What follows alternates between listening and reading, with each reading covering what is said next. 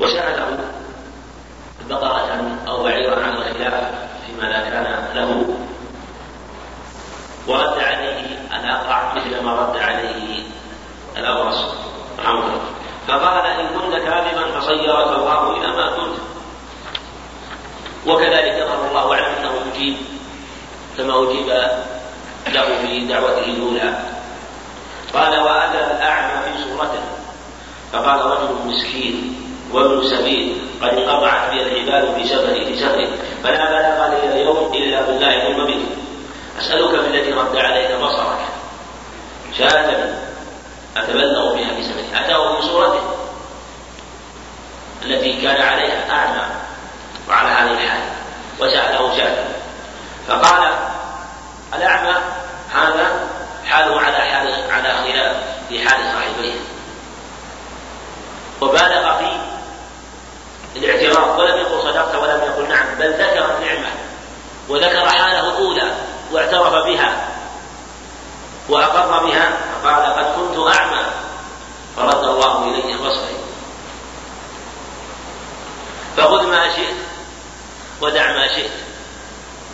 وسأله شاة فقال خذ ما شئت ودع ما شئت. فوالله لا أجهدك يعني لا أكلفك أو لا أمنعك اليوم بشيء أخذته لله. أخذته لله لأن هذا يطلب حقا من حقوقه والواجب هو إعطاؤه ما يكفيه ولا يجب الناس والأجر فهذا الأعمى أدى الواجب وأمره أن وأذن له أن يأخذ زيادة على ما يجب عليه تجاه الملك الذي أتاه في صورته. مبالغة شكرا لنعمة الله سبحانه وتعالى واعترافا بها. فقال خذ ما شئت ودع ما شئت والله لا أشهدك اليوم بشيء أخذته لله. فقال أمسك مالك فإنما ابتليتم فإنما ابتليتم فقد رضي الله عنك وسخط على صاحبيك. وهذا الحديث فيه فوائد عظيمة وعبر عظيمة لمن تأمله. وفيه كما سبق أن هذا من الأمور التي وقعت من بني إسرائيل من العجائب والغرائب التي تقع لهم وانها تحكى لهذه الأمة لأجل أن يبتعدوا وأن يعتبروا وأجل أن يعرف ولأجل أن نعرف أن كمال التوحيد هو بالاعتراف بالنعمة وأن نكرانها منق للتوحيد ولأجل هذا أورده المصنف في هذا الكتاب والله أعلم. بفضل الله تعالى. فلما آتاهما صالحا جعل له شركاء فيما آتاهما. فتعالى الله عما يشركون. هذه الآية وما قبلها من الآيات مشكلة عند أهل العلم وأشكلت على كثير من المفسرين. واختلفوا في تأويلها على أقوال وأشهر الأقوال فيها قولان وفيها أقوال أخرى ذكرها أهل العلم. لكن هذين القولين لكن هذان القولان هما أشهر الأقوال. لأن قبلها قول عنه الذي خلقكم من نفس واحدة وجعل منها زوجها ليسكن إليها فلما تغشاها حملت حملا خفيفا ومرت فلما أثقلت دعوا الله ربهما لئن آتيتنا صالحا لنكونن من الشاكرين. فلما آتاهما صالحا جعل له شركاء فيما آتاهما فتعالى الله عما يشركون.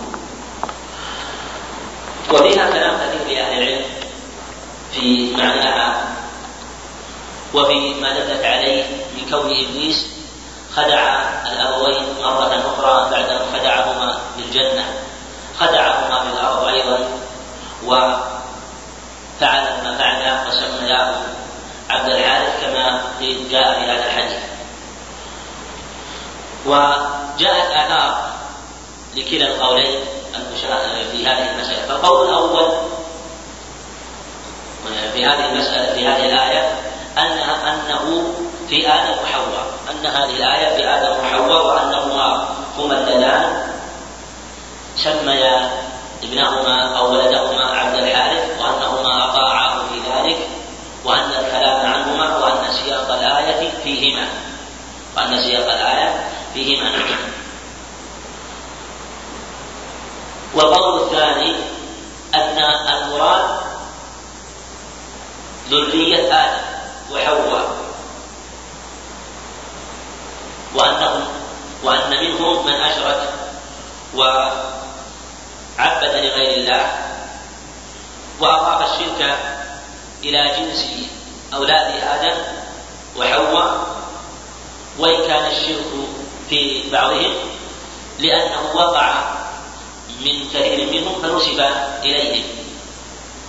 والقول الأول هو قول جماهير السلف وهو المروي عن جملة من الصحابة وقاله كثير من التابعين. والقول الثاني عليه جمع من أهل العلم وممن أيده الحافظ ابن كثير رحمه الله في التفسير والأظهر هو القول الأول وأن المراد بالآية آدم وحواء وأن السياق فيهما. ولا شك أنه واضح من سياق الآية أنه فيهما لأن الله قال هو الذي خلقكم من نفس واحدة وهذا لا شك أنه واضح أن المراد به آدم عليه الصلاة والسلام وأن الكلام فيه وأن جميع من نسل من ذريته هم منه حتى زوجته حواء. منه عند جماهير المفسرين وأنها خلقت من ضلعه الأقصر الأيسر. على خلاف هذا لكن هذا هو المشهور عند جماهير المفسرين. ولذلك قال هو الذي خلقكم من نفس واحدة من نفس آدم. وجعل منها زوجها. يعني أن زوجها المراد به حواء على ظاهر القرآن وأن حواء من آدم من جنسه وسبق أن المشهور أنها خلقت منه من آدم عليه الصلاة والسلام. وجاءت في هذا آثار تروى أنها خلقت من ضلع الأقصى الأيسر وإن كانت ليست عمدة وأنها قد تكون من الإسرائيليات لكن ظاهر القرآن يدل عليه ظاهر القرآن يدل على أنها خلقت منه. بل إن قوله الذي خلقكم من نفس واحدة كالواضح بأن حواء خلقت من آدم عليه الصلاة والسلام. لأن لو كانت حواء خلقت كما خلق آدم لكان البشر مخلوقين من نفسين لا من نفس واحدة. فلما قال سبحانه الذي خلقكم من نفس واحدة دل على أن جميع البشر خلقوا منه وأن أصلهم يعود إليه عليه الصلاة والسلام حتى زوجته حواء.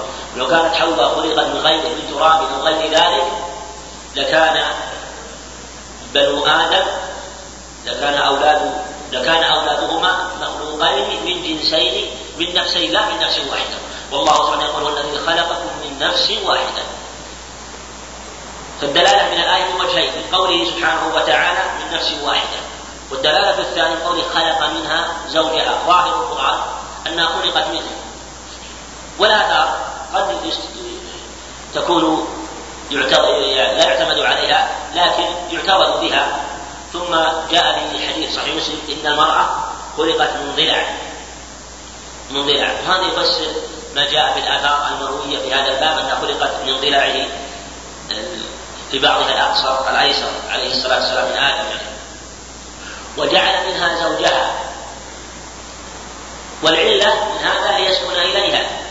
لأن آدم عليه الصلاة والسلام لأن حواء من جنسه والجنس يسكن إلى جنسه ويأنس به.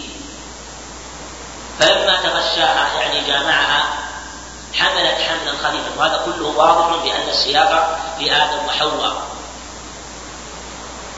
حملت حملا خفيفا. ولأن الحمل في أول أقواله لا يحس به والمرأة في الغالب لا تحس به إلا لبعض العلامات كانقطاع الدم. لكن هو بنفسه في الغالب لا يكاد يحس به. فلهذا قال سبحانه حملت حملا خفيفا. حملا خفيفا لأنه في حال النطفة والعلقة والمضغة لا زال خفيفا ويسيرا. ولهذا كان خفيفا عليها على حواء فلم تشعر به ولم تحس به ولم تبعد عن العمل بل كانت تذهب وتجيء وتقوم وتقعد ولم يثقل الحمل. فلما أثقلت يعني ثقل الحمل عليها والطين في بطنها أتاهما إبليس. واختلف كيف جاءها هل جاء بصورة رجل أو بالمنام أو وسوس إليهما؟ على خلاف الآثار التي يأتي الإشارة إليها في حديث ابن عباس. فلما تغشى حملة حملا خفيفا فلما قد دعوا الله ربهما أي آدم وحواء لئن آتيتنا صالحا. المراد به ولدا صالحا في خلقه وخلقه ودينه هذا هو الأظهر في قوله صالحا لأن الآية عامة. صالحا. يعني من ذكر أو أنثى وقيل صالحا أن المراد به غلاما. لكن قول جماعة المفسرين أن المراد صالحا يعني ولدا صالحا لما كان من وسوسة الشيطان لهما فسأل الله سبحانه وتعالى أن يؤتيه ولدا صالحا. لنكونن من الشاكرين. فلما آتاهما صالحا يعني استجاب دعوتهما جعل الضمير المرفوع يرجع إلى آدم وحواء. له شركاء. يعني في هذا المولود. جعلوا لله سبحانه وتعالى في هذا المولود شركاء. فسمياه عبد الحارث. أطاع الشيطان الذي خدعهما وغرهما وأدركهما حب الولد. وخشوا عليه من الشيطان.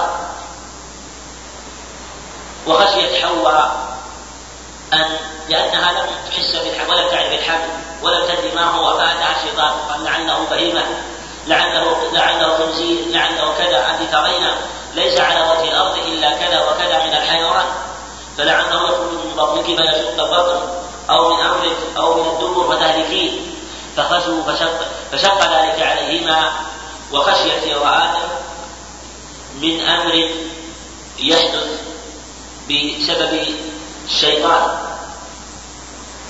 دعوا الله جعل له شركاء فيما فيما آتاهما يعني في التسمية. شركاء فاطاعاه في التسمية وهذا شرك في التسمية وليس المراد أنه عبد لهما لكنهما اطاعاه في تسميته بعبد الحارث. ثم انقطع الكلام عنهما عن آدم وحواء على أحد القولين. فقوله تعالى فتعالى الله عما يشركون يرجع الضمير إلى ذرية آدم. فيكون انتقل من الجنس إلى النوع. وهذا أسلوب عربي موجود في القرآن وموجود في كلام العرب. يقول فتعالى الله عما يشركون يعني فتعالى الله سبحانه وتعالى عما يشرك به المشركون ممن يعبدون غيره من الاصنام والأوثان. تعالى سبحانه وتعالى. ولا حرج بان يقال ان إن الضمائر وإن الايه كلهم بادم وحواء. وقوله فتعالى الله عما يشركون راجع إلى ما فعله آدم وحواء في التشريك في الطاعة ويكون التشديد عليهما لعظم مقامهما ولأنهما ليس كغيرهما.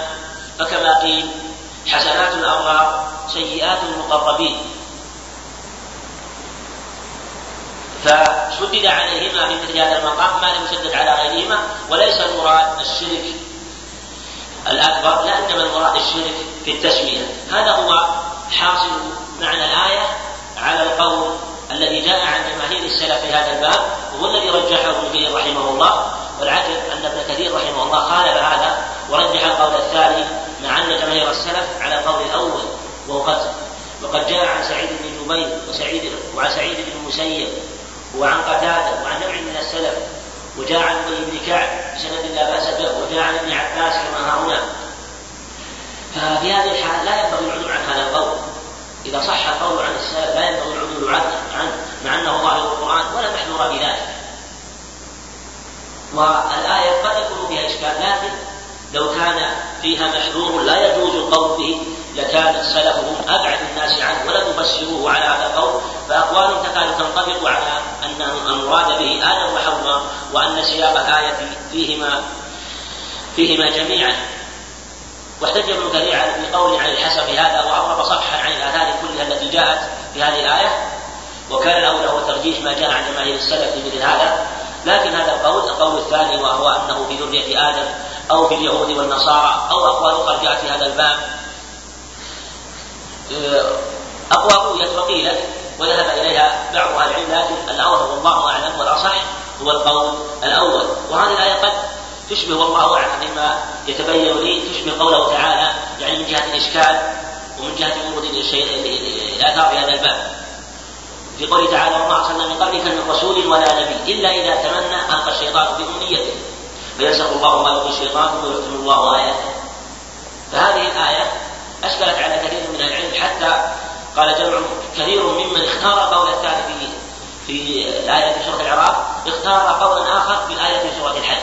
وقالوا إنه إن ما جاء من آثار في هذا الباب كذب ولا يثبت ولا يصح من أنه عليه الصلاة والسلام جاء ما يدل على تلا الشيطان في في قراءته وتلا في عند تلاوته وحاك صوته إنهن تواميق العلا وإن شفاعتهن لا ترتجى وقال إن لا تصح وإنها موضوع. لكن مهما قيل فظاهر القرآن يدل على القول الأول وهي تشبهه الآية هذه من هذه الجهة وأنه لا محذور في هذا في نفس هذه الآية ولا في هذه الآية. فتخرج على قول على قول واضح خاصة أنه جاء عن السلف في تفاسيرها أقوال. تدل على أنه تلا الشيطان وحاكى صوته عليه الصلاة والسلام وتلا عند تلاوته قولا ولذلك قال إلا إذا تمنى يعني تلا ألقى الشيطان في أمنيته يعني في تلاوته فحاكى صوته وظن من سمع أنه هو الذي قال هذا عليه الصلاة إنما هو الشيطان فهاتان الآيتان قد يكون بينهما تشابه من جهة من استنكر من استنكر قول هذين القولين فيهما وقال إنه لا يليق بمنصب النبوة كما أن هذا لا يليق بآدم عليه الصلاة والسلام لكن إذا وجه هذا القول لم يكن فيه محذور ولله الحمد. ثم قال المصنف رحمه الله قال ابن حزم ابن حزم هذا إمام مشهور ومعروف. مشهور وهو علي بن أحمد أبو محمد علي بن أحمد بن سعيد بن حزم الإمام الظاهري المشهور. وهو معروف. بظاهريته وهو من اتباع داود بن علي الظاهري أيضا. لكنه قد يخالفه ولا يتبع بكثير من أقواله. وهو إمام له معرفة بالحديث كما هو مشهور عنه رحمه الله وحافظ واسع الحفظ وله رحلة وله مشايخ كثيرون لكنه له كلام شديد على على كثير من أهل العلم في قلمه وفي لسانه وتجد في كلامه في كتابه في المحلى وفي غيره قولا شديدا على كثير من أهل العلم. وربما جدع وربما سب وربما استهزأ ببعضهم لأنه يرى أن خلاف هذا القول باطل لكن الجزاء من جنس العمل. كما قال بعض الحفاظ في فيه. يعني هذا لم يسلم هو. فتناوله كثير من الناس وذموا كتبه وذموا تصانيفه ومنهم من حرقها ومنهم وهذا لا شك مبالغة.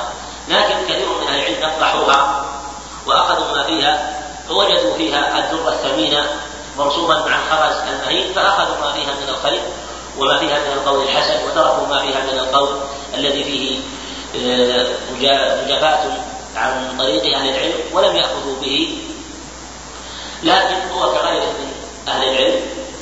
له أقوال تؤخذ وله أقوال لا تؤخذ. وقد قال بعض العلم أظن ابن كثير هو ظاهري في الفروع مؤول في الأصول أو قال في الصفات ليته عكس فأصاب. ليته عكس فأصاب.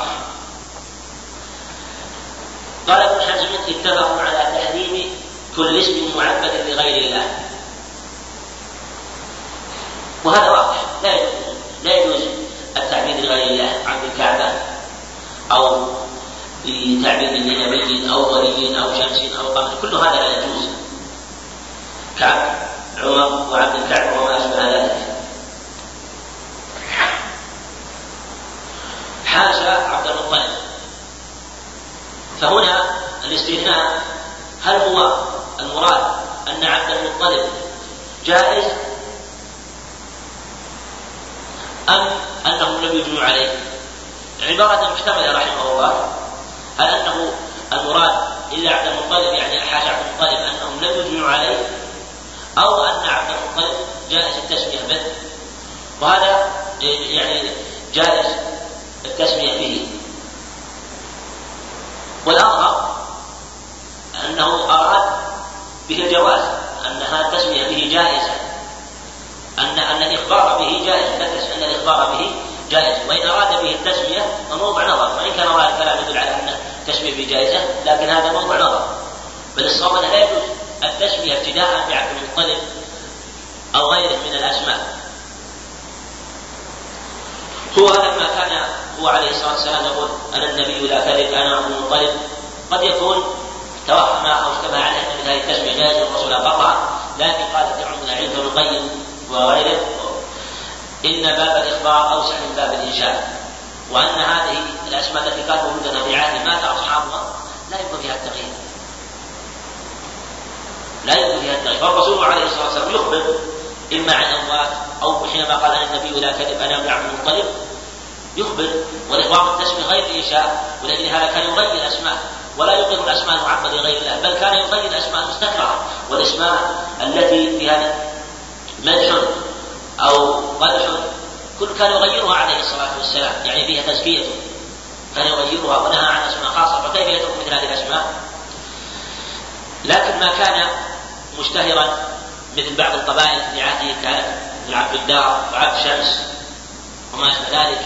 كانت الأسماء لقبائل معروفة فكان يخبر بها عليه الصلاة والسلام. أما التسمية ابتداء فلا يجوز. وأصحابه الذين كانوا يسمون بعض الأسماء أو كانت له بعض الأسماء كان يغير أسماء أسماءهم عليه الصلاة والسلام. ويسميهم أسماء حسنة عليه الصلاة والسلام. فعلى هذا لا يكون استثناء خاص بعبد المطلب. نقول عبد المطلب وعبد شمس وعبد الدار وما أشبه ذلك كلها أسماء كانت موجودة ومعروفة في عهده عليه الصلاة والسلام.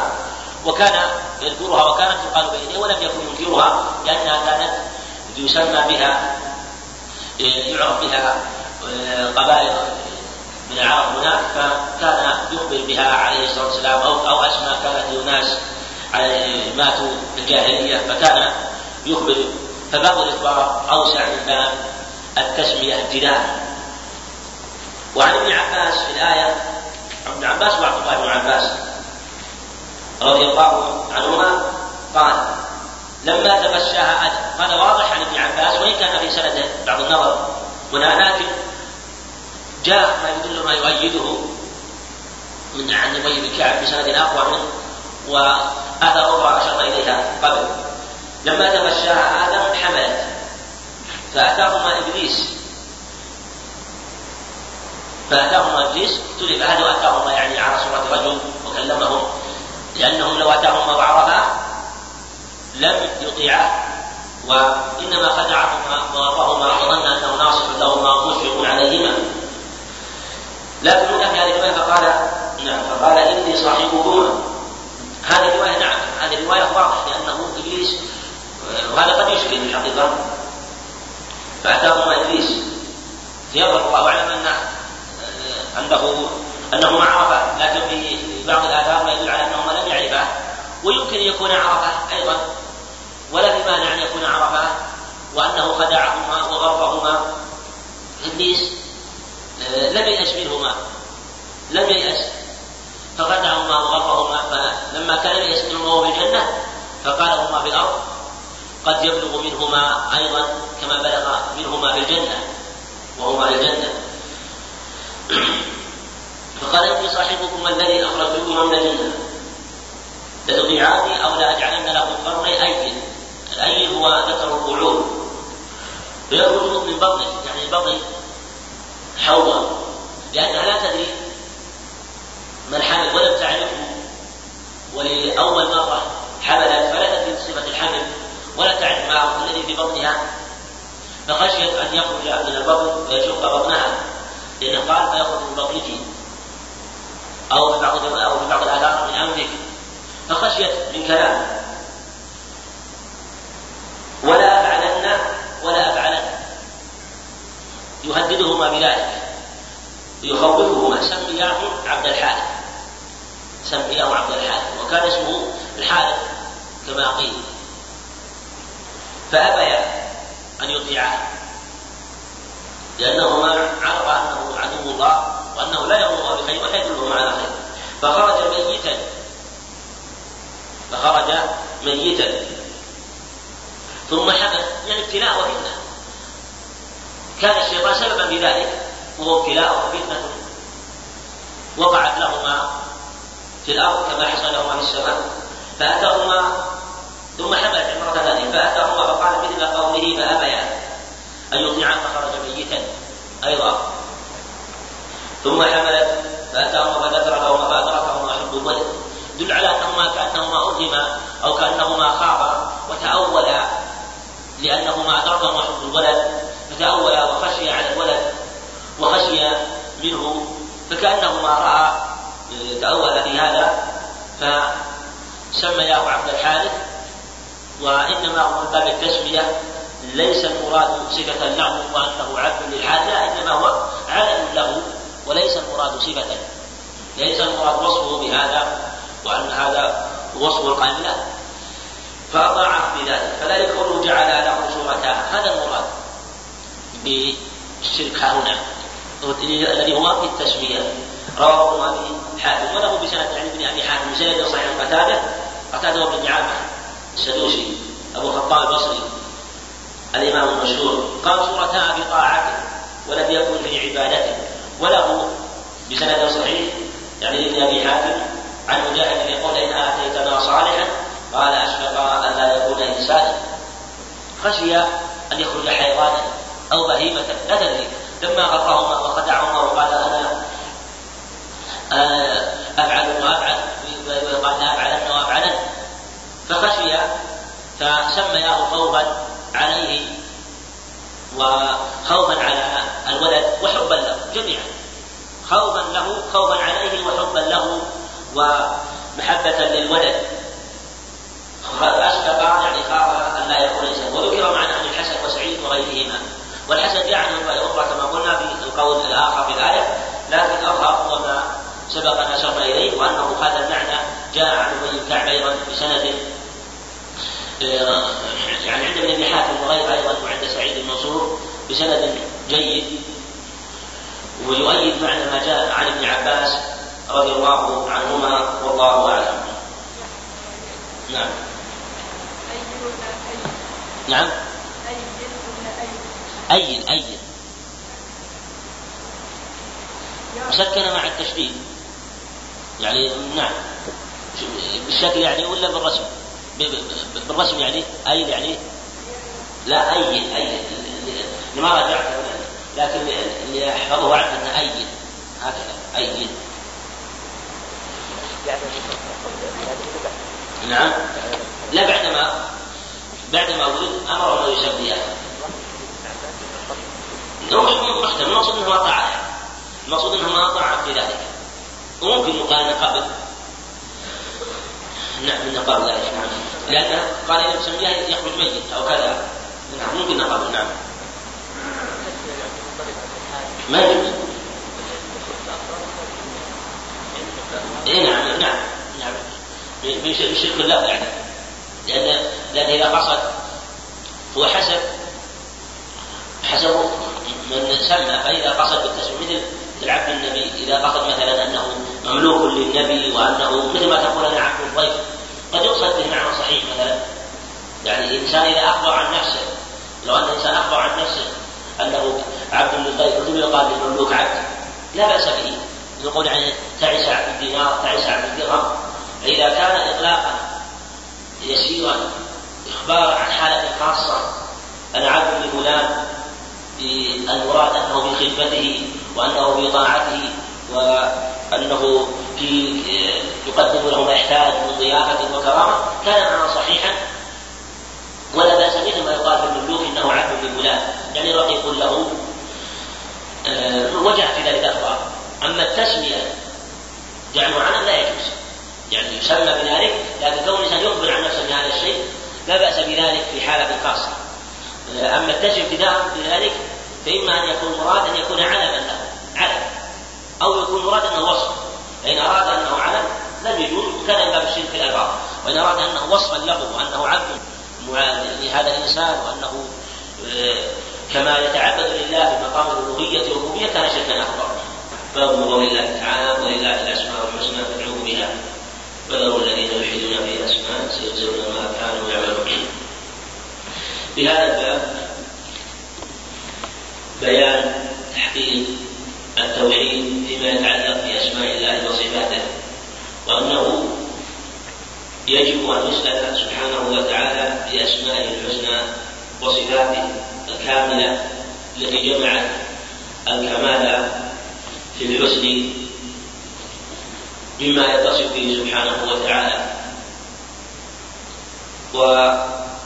وفيه بيان مخالفة طريقة المبتدعين والمشركين الذين يتوسلون بما لا يجوز التوسل به مما يكون شركا أكبر أو يسألونه بما يكون شركا أكبر أو وسيلة إليه وذريعة قريبة إليه مثل سؤاله سبحانه وتعالى بالأموات وكذلك مثل سؤاله بذوات الصالحين وبجاه مما هو من البدع المحرمة الممنوعة.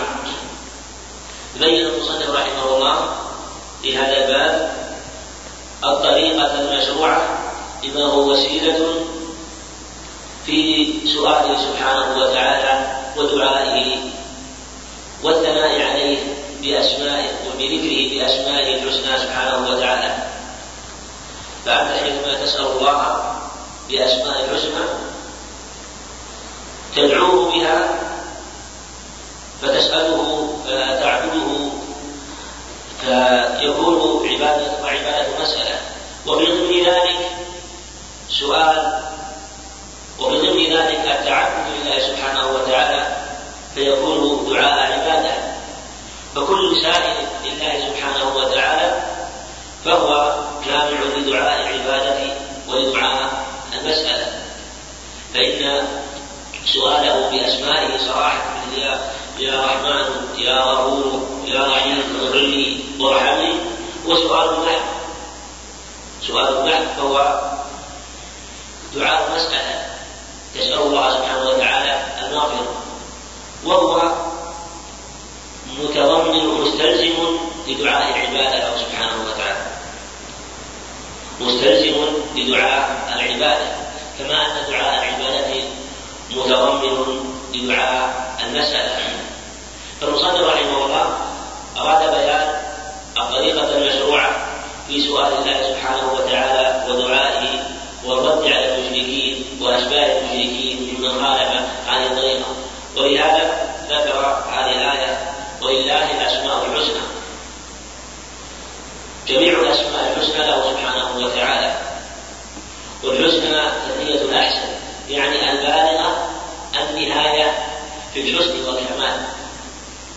فيسأل سبحانه وتعالى لا بالحسن بالحسنى وهي البالغة في النهاية إلى الحسن والكمال. فله من كل معاني الأسماء أتمها لفظا ومعنى وإن كان سؤاله ودعاؤه لا يكون إلا بالكامل في اللفظ وإن كان قد يتضمن معنى آخر هو أقل مما دل عليه اللفظ لكن سؤاله سبحانه وتعالى ونداءه لكن سؤاله سبحانه وتعالى ونداءه ودعاؤه لا يكون إلا بالكامل في الحسن له حينما تدعوه وتسأله سبحانه وتعالى. ولله الأسماء الحسنى فادعوه بها. يعني اسألوه وتوسلوا إليه بهذه الأسماء. فالدعاء يشمل السؤال والتوسل بأسمائه سبحانه وتعالى. حينما تقول يا غفور يا رحيم اغفر لي وارحمني سألت الله سبحانه وتعالى باسمين وهما المغفرة باسم الغفور والرحيم ثم توسلت بهذين الاسمين حينما قلت اغفر لي وارحمني ولأجل هذا كانت أدعيته عليه الصلاة والسلام على هذا النحو. ووصى أخص أصحابه وأفضلهم بأن يقول كما في الصحيحين رواية عبد الله بن عمرو وفي رواية أخرى رواية عبد الله بن عمرو عن رواية الصديق رضي الله عنه أنه قال قال له عليه الصلاة والسلام قل اللهم إني ظالم نفسي ظلما كثيرا. وإنه لا يغفر الذنوب إلا أنت. فاغفر لي ما مغفرة من عندك. وارحمني إنك أنت الغفور الرحيم. إنك أنت الغفور الرحيم. ختمه باسمين عظيمين من أسمائه سبحانه وتعالى. تناسب السؤال. سأل الله المغفرة والرحمة. ثم أخبر أنه سبحانه وتعالى هو الغفور الرحيم. فهكذا المناسب أن تتوسل بال, بال... تتوسل بالاسم المناسب للسؤال. فتقول يا غفور يا رحيم اغفر لي وارحمني. ما تقول يا سميع يا بصير اغفر لي وارحمني؟ وإن كان هو سميعا بصيرا سبحانه وتعالى لكن يقتضي كل مقام ما يناسبه حال السؤال حينما تسأله المغفرة والرحمة تتوسل بالأسماء المناسبة للمقام. ولله الأسماء الحسنى فادعوه بها. اسألوه بها. مع التوسل بها. إليه سبحانه وتعالى. وذروا الذين يلحدون في أسمائه من المشركين ذروهم اتركوهم وكأن اللفظ يوحي بالإهمال والترك وعدم الموالاة وأن الله سبحانه وتعالى هو الذي يتولى حسابهم وجزاءهم فاتركوهم ولا شأن لكم بهم فإن الله سبحانه وتعالى هو الذي يحسن أعمالهم ويعرف صغيرها وكبيرها. فلا تلتفتوا إليه وذروا الذين يلحدون في أسمائه الإلحاد هو الميل وهو درجات كثيرة وإلحاد المشركين. ومن شابه المشركين وإلحاد اليهود والنصارى أنواع فالإلحاد فيها أنواع كثيرة منها إلحاد المشركين كما أشار إليه المصنف رحمه الله في ذكر الأثر عن ابن عباس وعن غيره. وهو تسمية الأصنام بأسمائه سبحانه وتعالى. وأخذ من وجعل أسماء الأصنام مأخوذة من أسمائه سبحانه وتعالى. فهذا نوع من الإلحاد لأنهم سمعوا اللات من الإله والعزى من العزيز ومنات من المنان. هذا نوع من الإلحاد. ونوع آخر من الإلحاد تسميته سبحانه وتعالى بما لا يليق به كتسمية النصارى له أبد وكذلك تسمية الفلاسفة له عدة فاعلة أو ما أشبه ذلك مما هو لا يليق به سبحانه وتعالى. ونوع ثالث أيضا تسمية أخبث اليهود له بما يتنزه عنه سبحانه وتعالى بقوله إن الله فقير عليه معاني الله متتابعة إلى يوم القيامة. فهذا وكذلك يدخل فيه ما فعله كثير من أو ما فعله ما فعله الجهمية في تعطيل معاني أسمائه سبحانه وتعالى الذي يؤول إلى القول بالعدم.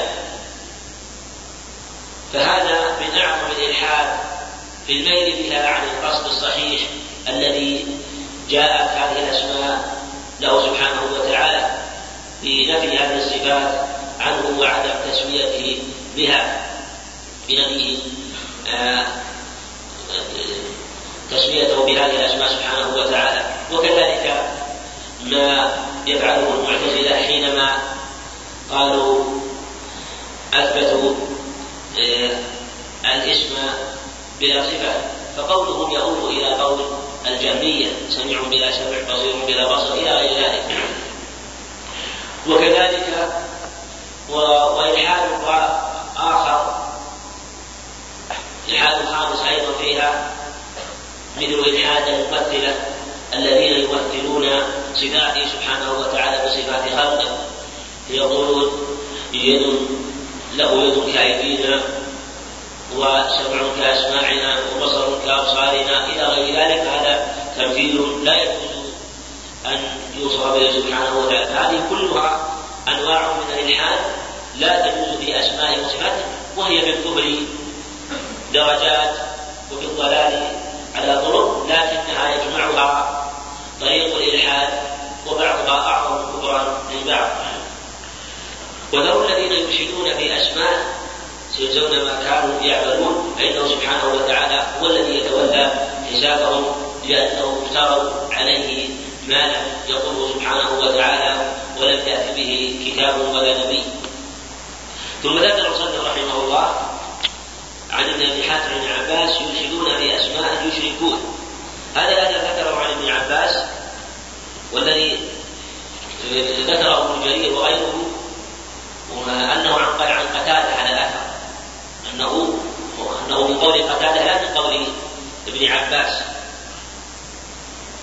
فينظر هذا جاء عن ابن عباس لكن في كتب التفسير ما ذكروا هذا عن قتادة ولم يذكروه عن ابن عباس. والذي جاء عن ابن عباس قوله الإلحاد والتكليف هذا ذكر في كتب التفسير عن ابن عباس. عند ابن جرير أيضا أنه قال الإلحاد هو التكليف الإلحاد هو التكليف من طريق عن بن طلحة الوالد عنه. وهذا وهذه نسخة تروى عنه كثيرا كثير من العلم يعتقد عن ابن طلحة الوالدي ولا بأس بالفعل مسلم ورواه بعض أصحاب السنن أو أو يعني أو روي في كتب السنن المقصود فهو لا بأس به ولا مثل ابن عباس وكثير من العلم صح رواية عن ابن عباس ويقول إنها مسموعة وثابتة وأنها رواها وأن رواياته من رواية سعيد بن جبير ومحفوظة من طريق سعيد بن جبير فالواسطة التي بينه وبين عباس ثقة فعلى هذا يكون السند مستقيما على ما ذكره جمع من العلم كالحافظ بن حجر رحمه الله ذكره في بعض كلامه فتح الباري. وعنه يعني عن ابن عباس سموا الناس من الإله. والعزى من العزيز. هذا لا كما سبق في لنا سبق ان مات رجل صالح كان يلد السويق فسموه اللات فقالوا اللات من الاله والعزى من العزيز وهذه هو شجره كانوا يتعبدون لها. وهذا رواه ابن منذر عن ابن عباس. وعن الاعمش يدخلون فيها ما ليس منها يدخلون في أسماء سبحانه وتعالى ما ليس منها. وهذا أيضا رواه ابن أبي حاتم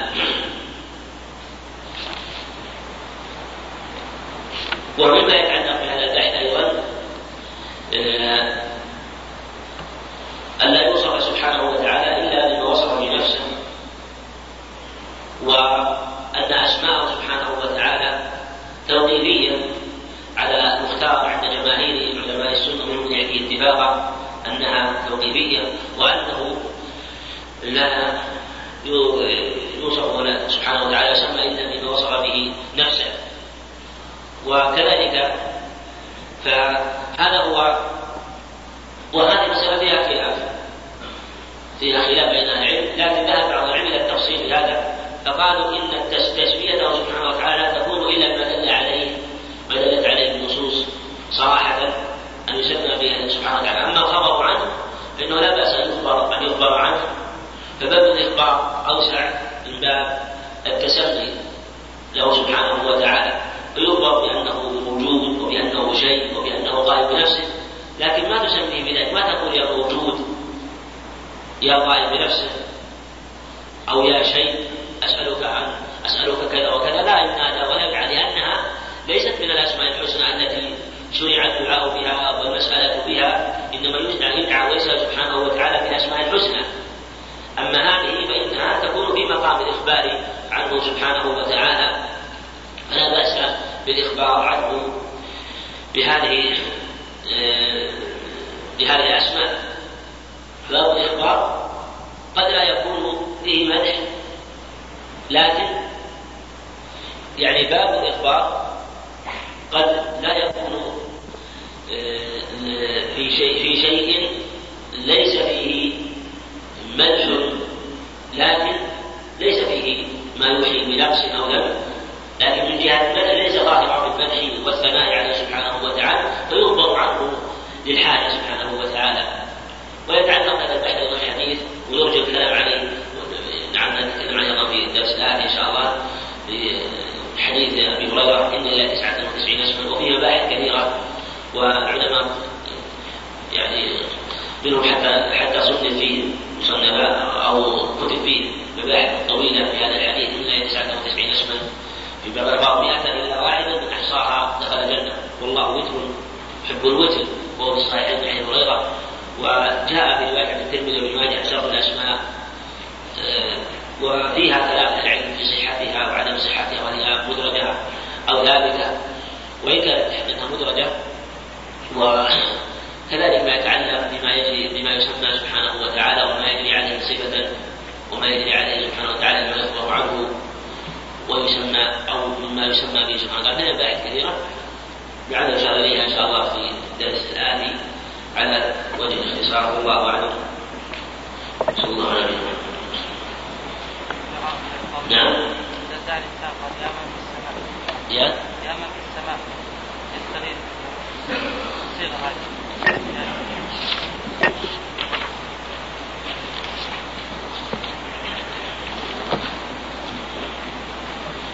الله اعلم ما ادري ما ادري عن هذا هو لا شك أنه سبحانه وتعالى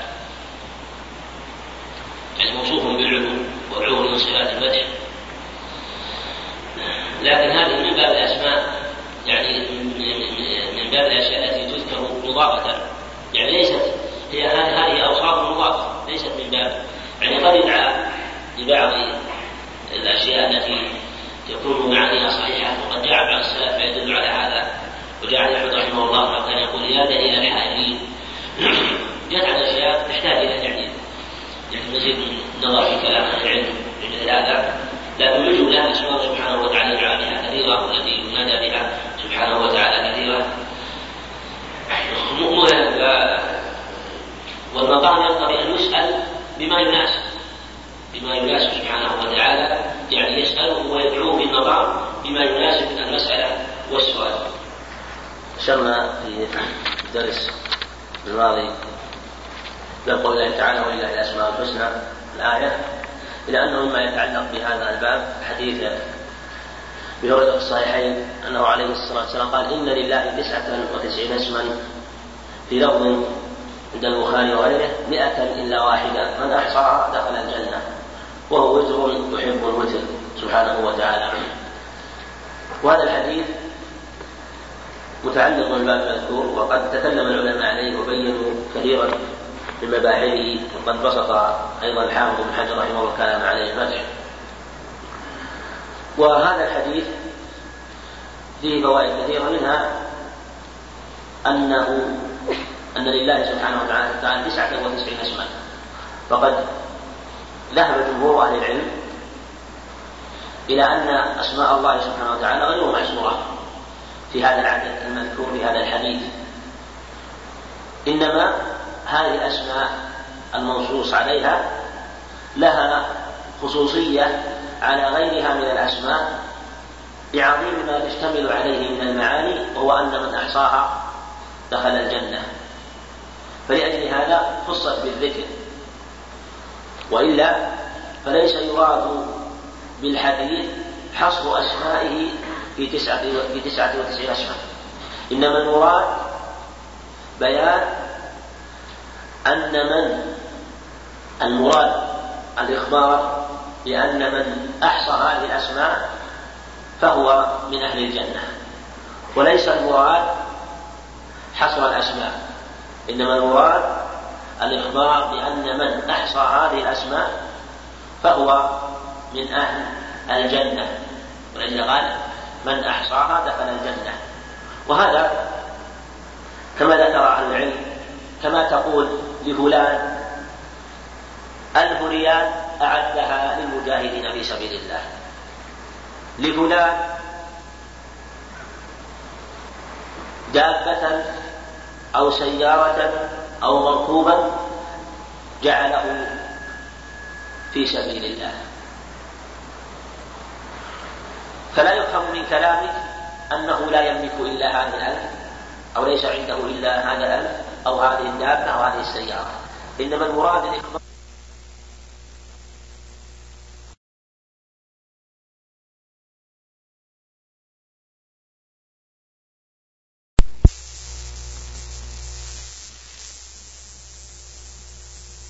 إلا هذه الألف أو ليس عنده إلا هذا الألف أو هذه الدابة أو هذه السيارة. إنما المراد الإخبار بأن هذا المخصوص بالذكر وهو الألف أنها أعدت للمجاهدين في سبيل الله أو لعمل من أعمال الخير. ولا ينفي أن يكون له مال غيره فهكذا في قوله عليه الصلاة والسلام إن لله تسعة وتسعين اسما. المراد من أحصاها دخل الجنة. وليس المراد أن أسماءه سبحانه وتعالى تسعة وتسعون. والله أعلم لماذا ذكر هذا العدد تسعة وتسعين. ولأجل هذا قال مئة إلا واحدة. ثم قال وهو وتر يحب الوتر. فذكر تسعة وتسعين وهي وتر ليست زوج. فناسب في الحديث أن تذكر وأن يذكر أنه سبحانه وتعالى وتر يحب الوتر من كل الأشياء سبحانه وتعالى. ولأجل هذا يحب الوتر من الأعمال. فشرع أعمالا هي وتر وخلق أشياء هي وتر فالسماوات سبع والأراضون سبع مثلها يعني. وهكذا الصلاة صلاة الليل وتر وصلاة طرفي آخر النهار وتر من أول الليل أي المغرب وصلاة آخر الليل من أول النهار. آخر الليل وتر وهي صلاة الوتر. إلى غير ذلك ورمي الجمال وتر سبع والطواف وتر والسعي بين الصفا والمروة وتر. وهكذا في أعمال كثيرة. فهو سبحانه وتعالى وتر يحب الوتر. أما خصوصية هذا العدد فالله أعلم. قد يتكلف بعض الناس ويذكر أنواعا من المناسبات لكن إذا كان لم يثبت عن المعصوم شيء ولم يظهر حكمة من النص فينبغي التوقف عن هذا وإن ولا يقال بشيء يحتمل الخطأ والصواب فيه ليس ظاهرا. ومن وفي هذا الحديث أيضا مباحث كثيرة كما سبق ذكر أهل العلم من فوائده ومنها أيضا ما أشرنا إليه أن الذي ثبت في الصحيحين قوله عليه الصلاة والسلام إن لله تسعة وتسعين اسما من أحصاها دخل الجنة إن له تسعة وتسعين اسما. جاء في رواية الترمذي شرط هذه الأسماء. واختلف أهل العلم في صحتها. فذهب جمهور المحدثين والأئمة الحفاظ إلى أن سردها إدراج من بعض رواة الحديث. بل بالغ تقي الدين رحمه الله ابن تيمية فحكى اتفاق المحدثين على أنها لا تصح من عن المعصوم عليه الصلاة والسلام وأنه جمعها بعض الرواة ممن روى هذا الحديث. وقد جزم بذلك أيضا الحافظ البلوغ وابن كثير رحمه الله وغيرهم من حفاظ الحديث وهو واضح.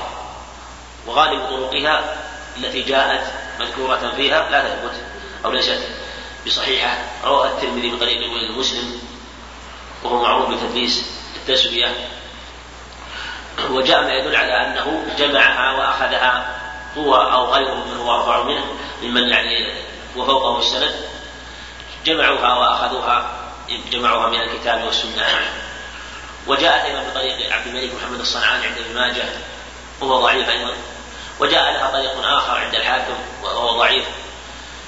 فلها طرق وطرقها ضعيفة طرق الإنشار بالأسماء فالمعتمد هو أن سردها لا يثبت إنما الثابت آه، بيان أنها تسعة وتسعون اسما كما في الحديث وكما هو رواية الصحيحين. قال المصنف رحمه الله الإمام شيخ الإسلام محمد بن رحمه الله باب لا يقال السلام على الله.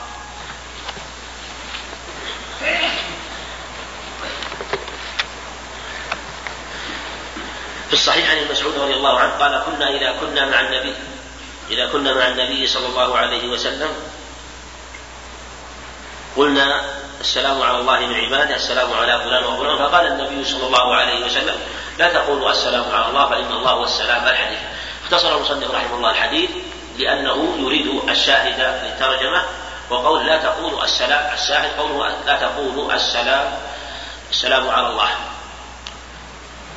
هذا هو الشاهد من الحديث الترجمة. وذلك أن من تحقيق التوحيد أن لا تقال هذه الكلمة لأنه سبحانه وتعالى هو السلام وهو المسلم لعباده ومنه السلام سبحانه وتعالى. فكان من تحقيق التوحيد ومن كماله أن يسأل سبحانه وتعالى السلامة وأن تطلب منه وأن يدعى بتحقيق السلامة لأن اسمه سبحانه وتعالى السلام وأمر عليه الصلاة والسلام بإفشاء اسمه بيننا سبحانه وتعالى فقال إن السلام اسم من أسماء الله فأفشه بينهم فهو السلام على الحقيقة سالم من كل عيب ومن نقصان أما غيره فهو محل للنقص ومحل للعيب ومحل للفناء أما هو سبحانه وتعالى فهو سالم من جميع هذه الآفات فكان الواجب ألا يقال السلام على الله. ولهذا الصحيح كما هنا والمراد الصحيح في الصحيحين صحيح البخاري ومسلم. عن عبد الله بن مسعود قال كنا نقول السلام على الله. وفي اللفظ الآخر السلام على جبريل وميكال وميكائيل وهو المراد في هذا الحديث السلام على فلان وفلان يعني جبرائيل وميكائيل فكانوا يقولون في بعضها السلام على الله قبل عباده. وفي لفظ السلام على الله من عباده. فقيل أنه قبل عبادة أو قبل عبادة يعني من عباده. ويؤيد قبل أنه جاء في الرواية الثانية في الصحيح صحيح البخاري من عباده. ويظهر الله أعلم أنه عليه الصلاة والسلام لما سمعها منهم أنكرها فيجوز أنه لم يكن يسمعها منهم أو أنهم لما قالوها لما أمروا بالصلاة والسلام واجتهدوا في بعض الأشياء فهذا يوحي أنهم كانوا يجتهدون في بعض الأدعية فكان يقرهم على بعض الأشياء ويبين لهم بعض الأشياء عليه الصلاة والسلام فيرجعون عنها. المقصود أنه نبههم على هذا إما أنه لما سمعه منهم أو أنه أوحي إليه. عليه الصلاة والسلام بشيء من ذلك فنبههم إلى هذا وأنه لا يقال السلام على الله. وقد ثبت في الحديث الصحيح عن عائشة أن أن الله سبحانه وتعالى أمر جبريل أن يبلغ خديجة السلام. فأخبر جبريل النبي عليه الصلاة والسلام أن الله يسلم عليها يبلغها السلام رضي الله عنها. يسلم عليها. فخديجة كان من عظيم فقهها وعظيم علمها وفطنتها وذكائها رضي الله عنها ما قالت السلام على الله؟ أو وقالت وعلى الله السلام. لا قالت هو السلام. وعلى جبرائيل السلام. وعليك يا رسول الله السلام ورحمة السلام ورحمة الله وبركاته. فانتبهت رضي الله عنها إلى شيء لم يفضل له بعض الصحابة ولم ينتبهوا له فدليل على عظيم فقهها وعلى عظيم علمها رضي الله عنها. ولهذا لما بلغها هذا قالت هو السلام فإنه لا يقال السلام على الله. فالسلام يكون لمن هو عرضة للنقص والعيب والآفات والشرور وما أشبه ذلك. إنما هو سبحانه وتعالى هو المسلم من هذه الأشياء. فلهذا قالت خديجة رضي الله عنها هذا وهو عليه الصلاة والسلام نبه إلى مثل هذا. نبه إلى مثل هذا. وهذا أيضا في فائدة تظهر أيضا تتبين الآن. أن خديجة رضي الله عنها توفيت قبل الهجرة. وقالت إنه لا إن الله هو السلام. فكأن هذا أمر متقررا وأنه عليه الصلاة والسلام يعلم ذلك وأنه لا يقال مثل هذا. وهذا الحديث كما هو ظاهر بعد ذلك في المدينة في بعد في يظهر الله أعلم بعد ذلك لأن الصلاة لأن في في مثل هذا في غار الصلاة جماعة وبيانها لا لم يكن إلا في المدينة. فلهذا كان أمرا متقررا عنده عليه الصلاة والسلام واضحا وعند بعض الصحابة كخديجة أنه لا يقال السلام على الله. فكأنهم كما قلنا قالوه على اجتهادهم وأنه عليه الصلاة والسلام لم يسمع بذلك منهم ولم يعلم أنهم كانوا يقولون. فلما علم ذلك إما بوحي أو سمع أنكره مباشرة وبين أن الله سبحانه وتعالى هو السلام وأنه لا يقال السلام على الله بل هو السلام ومنه السلام سبحانه وتعالى. فهو الموصل إلى المطلوب وهو الدافع للشيء المخاف والمرهوب فكان سؤاله سؤال السلامة منه هو الواجب وأن لا تسأل له أو يسلم عليه سبحانه وتعالى. فإن لا تقول السلام على الله فإن الله هو السلام. المراد بالسلام هو سبحانه وتعالى كما هو ظاهر لأن اسمه لأن من أسمائه السلام سبحانه وتعالى. والحديث ظاهر كما سبق فيما يتعلق بتحقيق التوحيد الواجب باعتقاد أنه سبحانه وتعالى منه النفع والضر ومنه السلامة والتسليم سبحانه وتعالى فلهذا وجب أن لا يقال عليه السلام سبحانه وتعالى. وهذا الحديث أيضا حجة لما ذهب إليه جماهير العلماء لكن في طرفه الآخر وفي بقيته في فرضية التشهد. فرضية التشهد وأنه فرض والحديث كما قلنا له أحكام كثيرة لكن المصنف رحمه الله أشار إلى القدر المناسب للترجمة والله أعلم.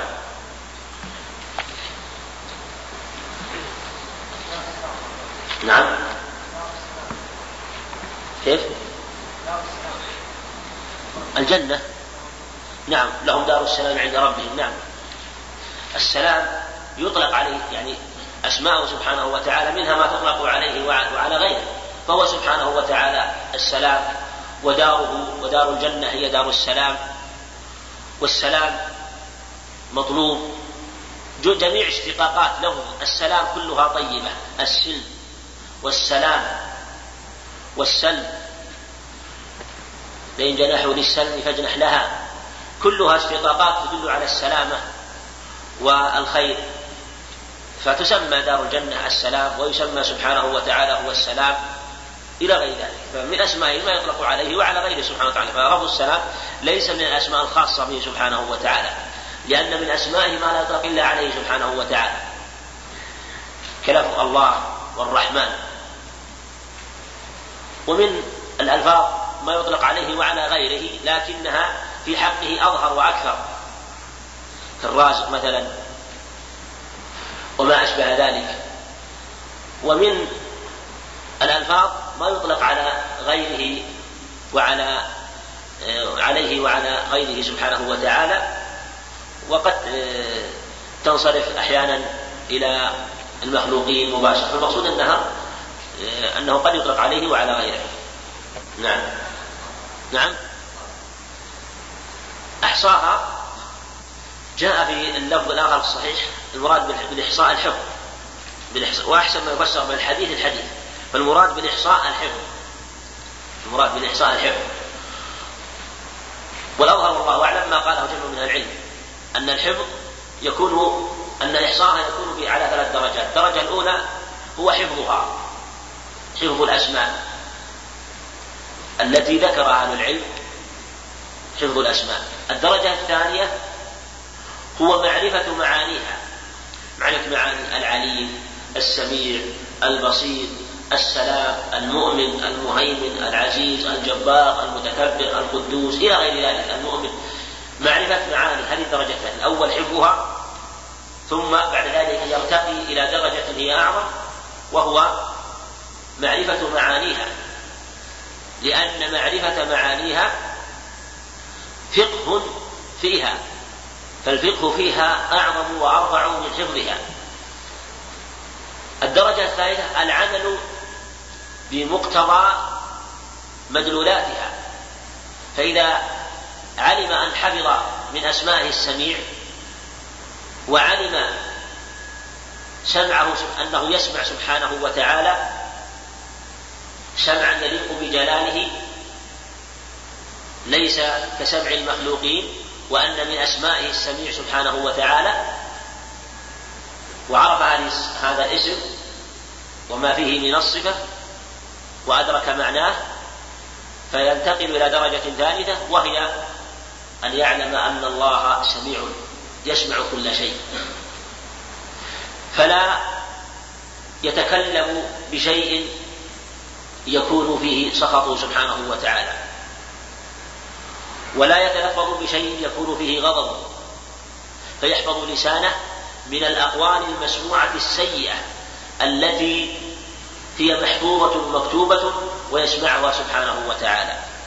البصير يعلم أن من أسمائه البصير ويعلم أنه بصير سبحانه وتعالى. بصرا يليق بجلاله وعظمته وكبريائه ويعرف معنى هذا الاسم. ثم بعد ذلك يعلم أن الله يرتقي إلى درجة هذه ويعلم أن الله مطلع عليه. يعلم مكنونات ويعرف مكانه ويعرف أحواله كلها وأنه لا يخفى عليه سبحانه وتعالى. فلا يراك حيث أمرك ولا يفقدك سبحانه سبحانه وتعالى حيث أمرك إلى غير ذلك فهذا هو هذه هي الدرجة هي مراتب إحصاء الاسماء الأسماء التي جاءت في الحديث كما ذهب إليه جمع من العلم كالعلامة ابن القيم وغيره. نعم. السرد يعني؟ لا ذكرنا نعم نعم نعم. فيها عاد هو هو مسألة فيها أشياء فيها نظر. أقول فيها أشياء فيها نظر. يعني هو في الحقيقة نفس نفس السرد الموجود. كثير منها ليست أسماء في الحقيقة. صفات. هذه مما يشكك في ثبوتها. لأن كثير مما سرد في الأسماء ليس أسماء. من باب الأسماء من باب الإضافات ما يضاف إليه سبحانه وتعالى. مثل قول بديع أنه بديع السماوات مثل ما جاء جاء في أشياء تدل على أنه ليس من أسمائه سبحانه وتعالى إنما هي من مما يضاف إليه سبحانه وتعالى. وفيها اضطراب يعني مما يبين ضعف اضطراب الرواة فيها تارة يذكرونها آه، بعضهم يذكرها ناقص وبعضهم يذكرها أكثر واختلاف في الروايات واضطراب ففيها اضطراب وفيها اختلاف هذا مما أيضا يضاعفها. باب. باب قول اللهم اغفر لي إن شئت. المعنى أنه لا يجوز.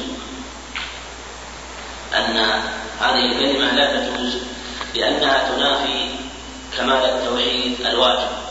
ولهذا ذكر المصنف رحمه الله هنا لأن من كمال تحقيق التوحيد الواجب أن يدعوه سبحانه وتعالى برغبة وإلحاح وإخلاص مع قصد وعزم في دعائه سبحانه وتعالى. أما هذا الدعاء فإنه ينافي هذه المعاني التي هي يجب أن يكون الداعي عليها حال دعائه سبحانه وتعالى ربه سبحانه وتعالى. قال وفي الصحيح في الصحيح عن الصحيحين. عن أبي هريرة رضي الله عنه. أن رسول أن أنه أن رسول الله صلى الله عليه وسلم قال لا يقول. هذا نهي. والنهي يقتضي التحريم. لا يقول احدكم اللهم اغفر لي إن شئت.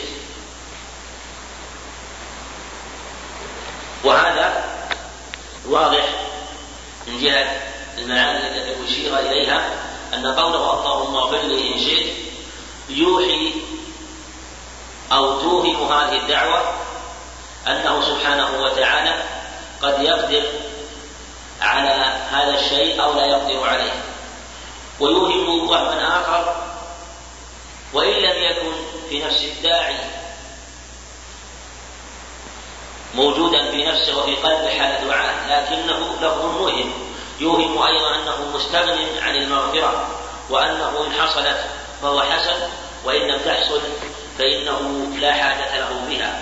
وكلها أوهام أو ظواهر من هذه الكلمات يجب أن تزال بأن يقصد اللفظ الواضح الصحيح الذي هو من آداب الدعاء الواجبة. اللهم ارحمني إن شئت. أيضا هذه مثلها وإنما القصد التمثيل ولهذا جاء في لفظ عند البخاري اللهم ارزقني إن شئت أيضا. ذكره في كتاب التوحيد. فالمقصود التمثيل. المقصود هو التمثيل بهذه الأشياء. وإلا فكل أمر علق على المشيئة عند الدعاء فإنه لا يجوز. إنما المقصود بهذه الأشياء هو التمثيل بأنواع من الأدعية وغيرها في حكمها. وغيرها في حكمها. ليعزم المسألة. يكن دعاؤه عازما به قاطعا به لا يعلقه بالمشيئة. ليعزم وليجزم وليقول اللهم اغفر لي. اللهم ارحمني. لا يعلقه بالمشيئة.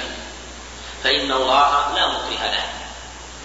فإن هذه اللفظة لا تقال إلا لإنسان قد يعطي وقد لا يعطي. قد لا يستطيع العطاء أو يشق عليه العطاء أو يخشى ممن سأل. فلأجل هذا قد يعطي رغبة في الإحسان إلى هذا الإنسان لأجل حاجته إليه. وقد يعطي خوفا من هذا الإنسان إشفاقا منه وهذا يكون من البشر. أما هو سبحانه وتعالى هو الغني. والناس والعباد كلهم فقراء إليه سبحانه وتعالى. فلا يليق أن تعلق هذه بالمشيئة لأنه لا معنى لها. وهذا المعنى وهذا الحديث جاء معناه أيضا في الصحيحين من حديث أنس رضي الله عنه. بلفظ إذا دعا أحدكم فليعزم المسألة. ولا يقل اللهم أعطني إن شئت. ولا يقل اللهم أعطني فإن الله لا مستكره له. فإن الله لا مستكره له. وقد اختلف في المعنى الذي لأجله نهي عن هذا الحديث فقيل لأنه يوهم الاستغناء كما سبق. عنه سبحانه وتعالى. وقيل لأنه يوهم أنه سبحانه وتعالى قد لا يقدر على هذا الشيء وهي أوهام يجب منعها ويجب إزالتها. والذي يظهر أن كلا المعنيين صحيح أن هذا المعنى صحيح وهذا المعنى صحيح يعني علة النهي عنه. فهذه العلة لا لا يجوز للمسلم أن يعتقدها وتلك أيضا لا يجوز له أن يظنها أو يعتقدها. كلها لا تجوز. فلا بأس من التعليل بالمعنيين بأنه يوحي بأنه مستغني وأنه لا حاجة له إن حصل أو لم يحصل و أو أنه سبحانه وتعالى قد يعطي كرها وهذه كما قلنا وإن كانت هي أوهام لا تكون بنفس الداعي لأن الذي يعتقد ويظنه كافر لكن لأنه يجب تحقيق التوحيد لفظا أيضا. يجب تحقيقه في دعائك له سبحانه وتعالى. فلهذا لا تقول اللهم اغفر لي إن شئت اللهم ارحمني إن شئت. ثم أيضا النهي في هذا الحديث بالتحريم على الصحيح كما هو ظاهر الحديث. وذهب كثير من الشراح كما هو قول النووي وإليه مال الحافظ بن حجر إلى أن النهي للكراهة. لكن الصواب أنه للتحريم وقالوا ومن من أدلة استدلوا بها حديث دعاء الاستخارة. اللهم إن كنت تعلم أن هذا الأمر خير لي في ديني معاشي. قالوا علقه العبد بمشيئته. إن كان يعلم كذا فيكون كذا وإن كان يعلم كذا فيسأله كذا. علقه تعليما ولم يجزم بالدعاء. وهذا لا دليل فيه. كذلك من قول العبد اللهم أحيني إن كانت الحياة خيرا لي وتوفني إذا كانت الوفاة خيرا لي. هذا غير صحيح لأن ما يدعى ويطلب منه سبحانه وتعالى على نوعين. الأول ما هو ظاهر وواضح من جهة عاقبته ومن جهة أنه أمر مطلوب محمود يشرع سؤاله ويشرع الجزم به وعاقبته واضحة وثمرته واضحة وفوائده واضحة في الدنيا وفي أو في الآخرة أو فيهما جميعا. كسؤال الله المغفرة والرحمة وأن تقول ربنا آتنا في الدنيا حسنة وفي الآخرة حسنة وقنا عذاب النار. اللهم أجرني من النار اللهم إني أسألك الجنة اللهم ارزقني ذرية صالحة. إلى غير ذلك من الدعوات الواضحة البينة التي لا إشكال فيها ولا لبس فيها. هذه هذه يجب الجزم بها حال سؤالها لله سبحانه حال سؤال الله سبحانه وتعالى إياه. النوع الثاني دعوات مشكوك في عواقبها لا تعلم حمد الله لا تعلم عواقبها ولا يعلم ماذا يحصل لو أنه سأله إياها جزما يشك بها ولا يدري. فهذه الأنواع من الأدعية هي التي يشرع للعبد أن يكون بدعائه نوع استثناء مثل دعاء الاستخارة. مثل دعاء الاستخارة لما كان الإنسان إذا أراد سفرا مثلا أو أراد زواجا أو أراد شراء شيء أشياء لا يعلم عواقبها لا يعلم عواقبها ولا يدري ما هي عواقبها. هل يكون خيرا أم شرا هذا السفر. هل هو مناسب أو غير مناسب؟ هل هو خير له؟ أمور لم تظهر عواقبها ولا تتضح. في زواجه لا يدري. فلأجل هذا يسأل الله سبحانه وتعالى ويستخيره بأن يختار له خير الأمرين مما يريد أن يفعله. إما أن يطمئن قلبه بفعل هذا الشيء والإقدام عليه أو يصرفه عنه. ولأجل هذا في الحد في ذكر في هذا الحديث. إن كنت أن تعلم أن هذا خير لي في ديني ومعاشي وعاقبة أمري أو قال عادي من أجله فاقدره لي ويسره لي. وإن كنت تعلم أن هذا شر لي في ديني ومعاشي وعاقبة أمري أو قال عادي ولي فاصرفه عني واصرفني عنه ثم رضني به واقدر لي. الخير حيث كان. أقدر الخير حيث حيث كان. فلأجل هذا لما كانت هذه العاقبة. لا تعلم ولا تظهر. حسن ألا يجزم وأن يسأل الله بأن يختار له خير الأمرين. ثم أيضا هذه الأدعية التي ذكرت لا استثناء فيها في الحقيقة. لا استثناء فيها. إنما هو تعليق ليس فيه ذكر الاستثناء صراحة. أما هذا يقول اللهم اغفر لي إن شئت. اللهم ارحمني إن شئت اللهم أعطني إن شئت. ولم يذكر العلة ولم يذكر في الحديث مثلا علة. أما تلك فإنه يقول اللهم ولأجل هذا يقول إيه، إن كنت تعلم في نفس الحديث أن هذا خير لي فاقدره لي. وإن كان شرا فاصرفه عني. فالمقصود أن الصواب فيه المنع والتحريم وأنه لا يجوز. وأنه يجب الجزم بهذه الأدعية فالله سبحانه وتعالى لديه خزائن كل شيء كل شيء. وبيده ملكوت السماوات والأرض. ويده وخزائنه ملأى ينفق منها سبحانه وتعالى ولا تنقص. ولو أن الخلائق كلهم اجتمعوا في صعيد واحد اجتمع كلهم جنهم وإنسهم فسألوه سبحانه وتعالى كل واحد سأله ما شاء المسألة. في مكان واحد في صعيد واحد بلهجة واحدة سمعهم كلهم سبحانه وتعالى على اختلاف اللهجات واختلاف اللغات وتفنن الحاجات وتعددها يعلمها سبحانه وتعالى. ولو أعطى كل واحد مسألة مهما بلغت به أمنيته لم ينقص ذلك ملك شيء سبحانه وتعالى. فكيف يليق بك أنت أيها المسكين الضعيف أن تقول اللهم اغفر لي إن شئت؟ هذا لا شك أنه إساءة أدب. وإساءة الأدب في مثل هذا لا تجوز. الواجب هو الجزم. بل الواجب ليس الجزم فحسب بل هو تعظيم الرغبة وتعظيم المسألة. ولأجل ذكر في الحديث عكس ما قصد السائل إليه.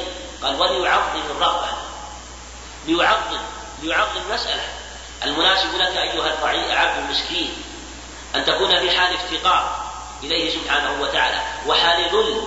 وأن يكون سؤالك حال ذل وافتقار إليه سبحانه وتعالى وأن تتقرب إليه بمثل هذه الأمور وأن تتوسل إليه بمثل هذه الأعمال.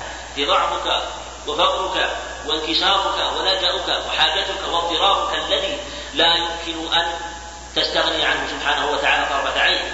ولو استغنيت أو ظننت أنك مستغني عنه طرفة عين لهلكت فالواجب أن تعظم الرغبة وأن تكون مسألتك في الأمور العظام الأمور الكبار. أن تقول ربنا آتنا في الدنيا حسنة وفي الآخرة حسنة وقنا عذاب النار. تسأل الله الجنة وتستعيذ به من النار. وتتوسل إليه بظلمك لنفسك تقول اللهم إني غفرت نفسي ظلما كثيرا وإنه لا يغفر الذنوب إلا أنت. فاغفر لي مغفرة من عندك وارحمني إنك أنت الغفور الرحيم. كله اضطرار ولجأ وتوسل إليه سبحانه وتعالى. على الجزم بحال السؤال. في له حال سؤاله سبحانه وتعالى والله أعلم. اللهم اللهم ما شاء الله طهور إن شاء الله. نعم. طهور إن شاء الله. هذا في حديث هذا في حديث الحديث لما دخل على الاعرابي لما دخل على الأعرابي الذي حديث ابن عباس انه عليه السلام جاء رجل من الأعراب فقال لا بأس طهور إن شاء الله.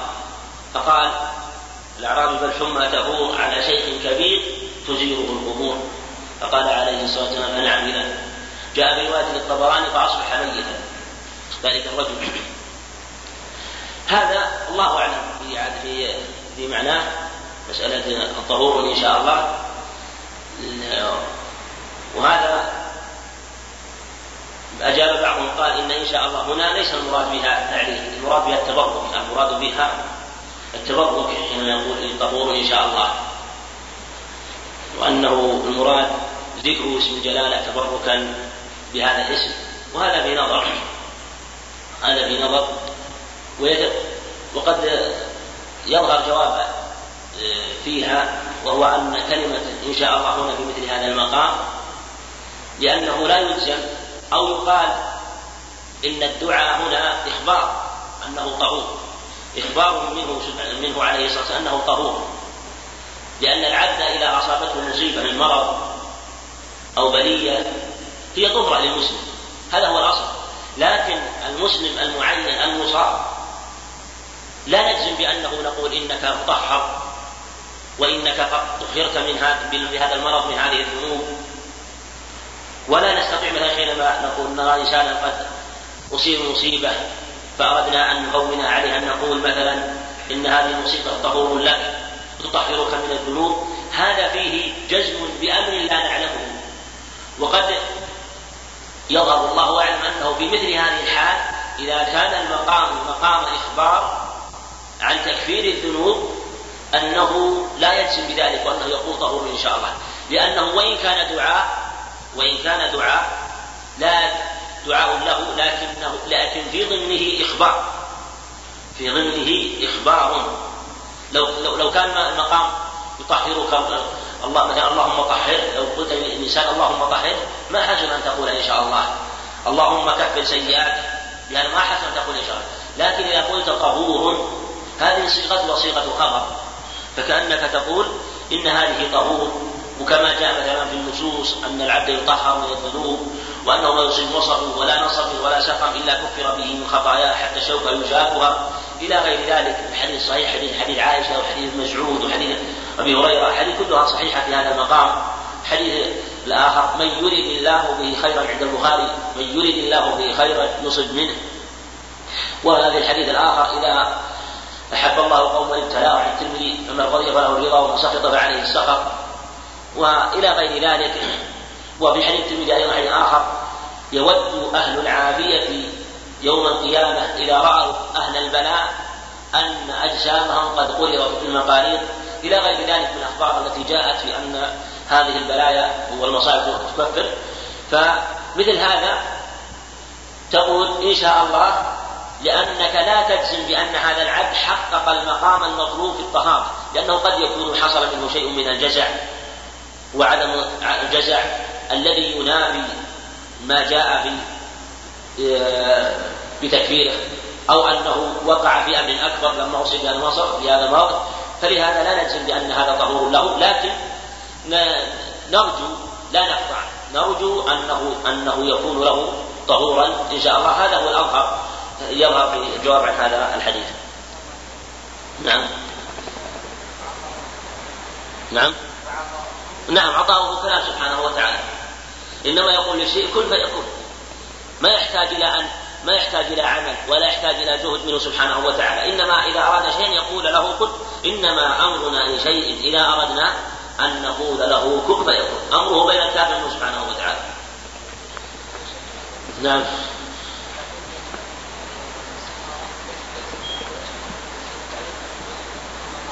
كيف؟ على أصل العلم. المراد ليس المراد هنا التعليق على أصل العلم لكن متعلقه. العلم هو سبحانه وتعالى يعلم الأمر. لكن أنت لا تعلم متعلق علمه سبحانه وتعالى. هل يتعلق بأي الأمرين؟ اللهم إن كنت تعلم. يعني في أصل علمك سبحانه في أصل العلم أن هذا هو الذي يقع أو أن هذا هو الذي يقع. ليس المراد أنه هو الشك. ليس المراد هو الشك لكنه هذا الأمر دائر بين أمرين إما أن يكون خيرا أم أن يكون شرا. فإن كان في علمك سبحانه في علم سبحانه وتعالى أنه خير فاقدر لي وإن كان في علمك أنه شر فاصرفه عني. هذا هو المراد. باب لا يقول عبدي وأمتي. أورد المصنف رحمه الله ترجمة بصيغه الخبر مبالغة في تحقيق هذا الحكم وانه كالواقع الذي لا يجوز تغيره والشيء إذا كان خبرا من الشرع فإنه يراد به الأمر به فإراد الشيء بصيغة الخبر مع طلب تحققه وإيجاده أبلغ من الأمر به مباشرة لأنه كالواقع الشرعي أو كالأمر الواقع الذي يجب تحقيقه. فلهذا قال لا يقول عبدي وأمتي. لم ياتها بلا النافيه كما في الخبر بل لا يقول. بل جاء هنا بالنافيه لا يقول على صيغة الخبر وأنه آه، كما قلنا كالامر المتحقق الذي يجب أن يكون. في الصحيح عن أبي هريرة الصحيح في الصحيحين عن أبي هريرة رضي الله عنه أن رسول الله صلى الله عليه وسلم قال لا يضر النهي الاصل في النهي التحريم هذا الاصل في النهي عند أهل العلم. وعلى الصحيح أنه للتحريم وإن لم ولا يحتاج إلى قرينة تعطله عند الصحيح عند على الصحيح من أقوال أهل الأصول أنه أن الأمر للوجوب والنهي للتحريم ما لم تأتي قرينة تدل على خلاف ذلك. ولا يحتاج الأمر إلى قرينة أخرى ولا يحتاج لأجل الوجوب. كذلك النهي لا يحتاج إلى قرينة أخرى لأجل التحريم فهو بنفسه يدل على الوجوب. إن كان أمرا وعلى التحريم إن كان نهيا وإن كان متجرد عن مراد هذا هو الصحيح وهو قول جماهير العلماء وهو قول جماهير أيضا الفقهاء رحمة الله عليهم والذي في هذا واضح ذكر العلماء الله عليه باب لا يقل ان رسول الله صلى الله عليه وسلم لا يقل احدكم وهذا النهي الظاهر فيه انه للتحريم في بعض الالفاظ التي آه، دلت النصوص على أنها ليست للتحريم أو أنها ليست للتحريم في بعض الأحوال دون بعض. وهذا الباب من باب تحقيق التوحيد بالآثار وهذا المصنف رحمه الله لأنه لأن فيه تحقيق التوحيد بالآثار ولأجل هذا لا يتحقق التوحيد على وجه الكمال في نفس المكلف وباعتقاد المكلف إلا إذا تتحقق به في جوارحه في أقواله وأفعاله. ولما كانت هذه الألفاظ تنافي كمال التوحيد الواجب أوردها المصنف رحمه الله وجعل لها ترجمة مستقلة حتى يعلمها المكلف ويعمل بما دلت عليه من أمره عليه النهي عليه الصلاة والسلام عن قول مثل هذه الآثار. لا يقول أحدكم. أطعم ربك. وهذا فيه الأمر للمالكين مع مملوكيهم ولمالك رقبة المملوك أن يتأدب معهم بآداب الشرع وأنه لا يقول لمملوكه لرقيقه إذا أراد أن يصلح الطعام له أو أن يحضر الطعام له أن يقول أطعم ربك. أو يقول غيره من الناس أيضا له أطعم ربك. لأن الربوبية له سبحانه وتعالى وهو الرب سبحانه وتعالى وهذا له مختص به سبحانه وتعالى. فلا يجوز على جهة الإطلاق بلا تقييد أن يطلق على غيره. وهذا هو الصواب أنه لا يجوز أن يطلق على غيره سبحانه وتعالى. أما إذا كان على جهة الإطلاق فإنه لا يجوز بلا إشكال.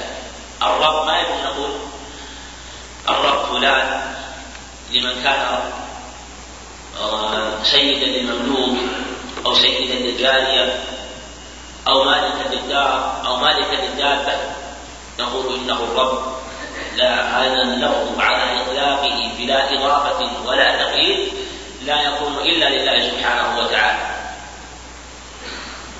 وقد أشكل على هذا بعض النصوص كما جاء كما ذكر الله عن موسى عليه الصلاة والسلام في آيات منها قوله اذكرني عند ربك.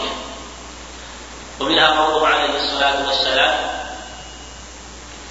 منها قوله عليه الصلاة والسلام هنا ذكر أطعم ربك ويأتي في النوم بعد ذلك. ولا يقول عبدي وأمتي أيضا. ونشير إليها في رب في هذه اللفظة للتناسب بينهما منها قوله عليه الصلاة والسلام أن تلد الأمة ربتها. ومنها قوله تعالى وأنتم الصالحين وأنتم الأيام منكم وأنكحوا الأيام منكم والصالحين من عبادكم وإيمانكم ذكرهم بلفظ العبودية وأضاف العبودية عبوديتهم لمملوكيهم عبادكم وإيمانكم وأن أهل العلم ذكروا أنه لا بأس أن يقول فلان إن فلان عبد فلان أو أن آه، يخبر أن يقول هو عبد لفلان وما أشبه ذلك. واختلفت وجوبات أهل العلم عن هذه النصوص. وكثير منها متقارب ويمكن يقال إنها كلها أجوبة يصح أن يجاب بها قال بعضهم إن ما جاء من النهي من قوله حينما يقول مثلا أطعم ربك وارض ربك أو يقول أحد من الناس للمملوك أطعم ربك وارض ربك وما وما ذلك اسق ربك. وهذه أمثلة وليس المراد الحصر أي شيء. يعني أي شيء يكون فيه ذكر الرب. لكن هذه أمثلة لكثرة وقوع ذكرها عليه الصلاة والسلام. فقالوا إن هذا إذا كان على جهة الكثرة إذا صار يكثر منه إذا أكثر منه السيد لمملوكه أو أكثر منه آه، الناس للمملوك حين يخاطبونه بذلك فإنه يكون منهيا عنه، أما إذا كان قليلا فلا، وهذا الجواب في نظر، قال الحديث العموم وأن النهي مطلقا. جواب آخر. قالوا إن هذا إذا كان على جهة الإطلاق كما سبق. إلى جهة الإطلاق. أطعم الرب أسق الرب بلا تقييد أما إذا أضيف إذا أضيف مثل قول اذكرني عند ربك. اذكرني عند ربك. فإن الأمر فيه لكن يشكل عليها أن الحديث فيه إضافة وأنه لم يطلقه ولم يطلقه.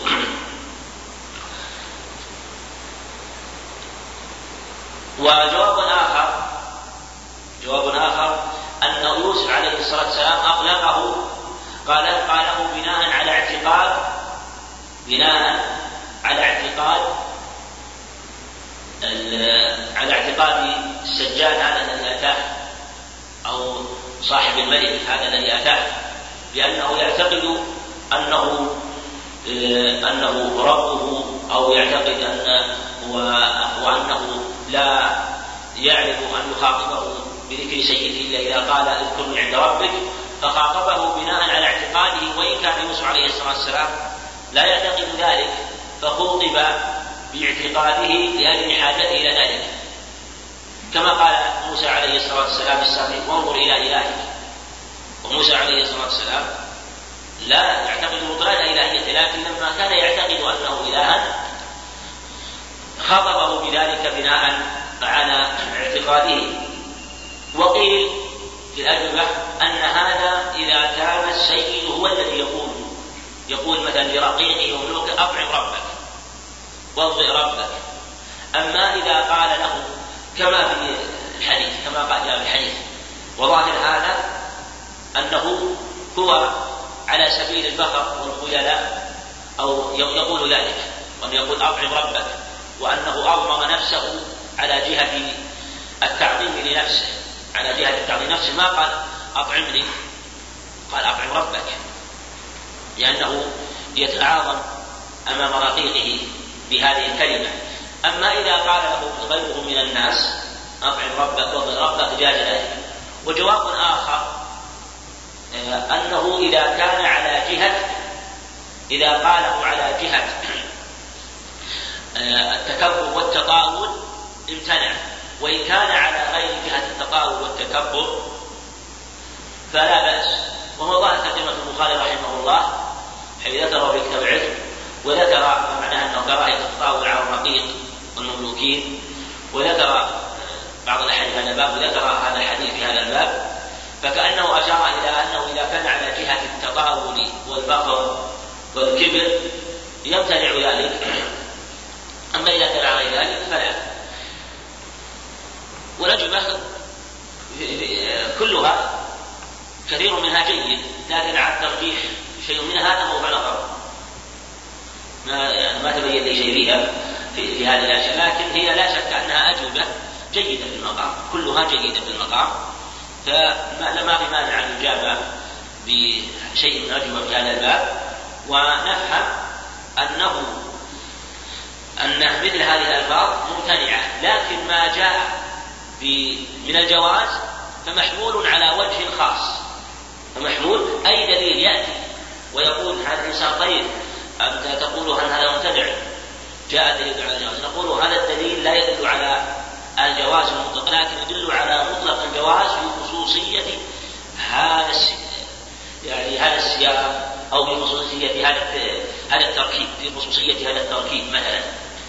إما بناء على اعتقاده أو بناء على أنه قاله لم يقل على جهة التطور وما أشبه ذلك من الوجوه التي سبقت.